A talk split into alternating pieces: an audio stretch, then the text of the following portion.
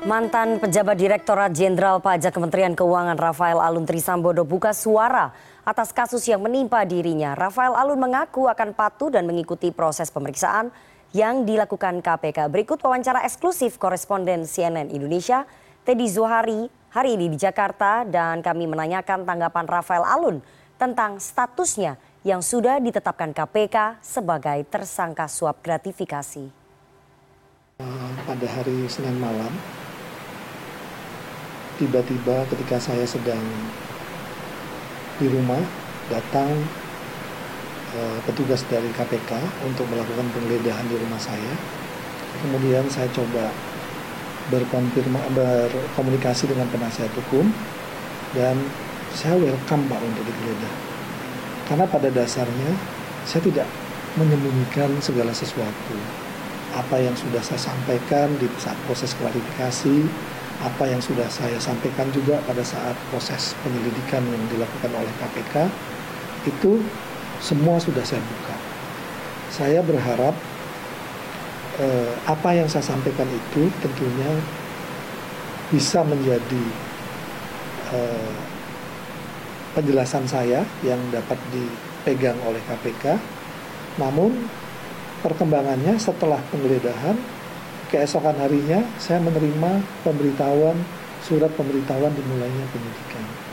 Itu juga sudah saya sampaikan ke penasihat hukum dan selanjutnya saya akan mencoba berkomunikasi dengan penasihat hukum saya karena sejatinya Pak, saya kejadian yang menimpa saya ini bukan karena saya melakukan pidana, tapi karena pidana yang dilakukan oleh anak saya sehingga menyeret saya dengan tekanan-tekanan dari berbagai macam pihak untuk dilakukan pemeriksaan terhadap harta-harta saya sehingga saya dicari-cari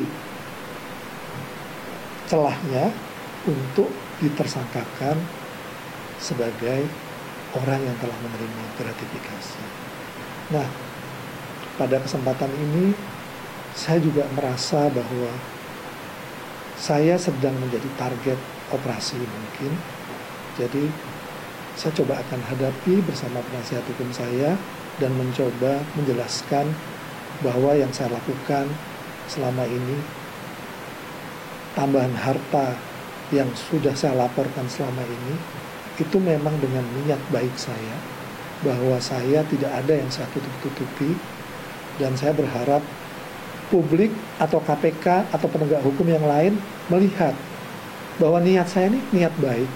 Saya ini jujur melaporkan harta saya dari 2011, aset tetap saya tidak ada bertambah. Kenaikan dari aset tetap tersebut karena nilai jual objek pajak. Di mana saya sebagai pegawai pajak meyakini bahwa NJOP yang telah ditetapkan oleh pemerintah itu adalah nilai pasar. Sehingga itulah yang saya laporkan dalam LHKPN saya. Saya menjadi target, tadi saya sampaikan itu mungkin karena tekanan publik terhadap KPK. Jadi sehingga KPK harus melakukan tindakan terhadap saya. Tapi kalau kita melihat secara jernih, saya sebetulnya tidak melakukan pidana korupsi atau menerima gratifikasi atau tindakan OTT yang dilakukan oleh KPK. Jadi sebetulnya hidup saya selama ini berjalan baik-baik saja.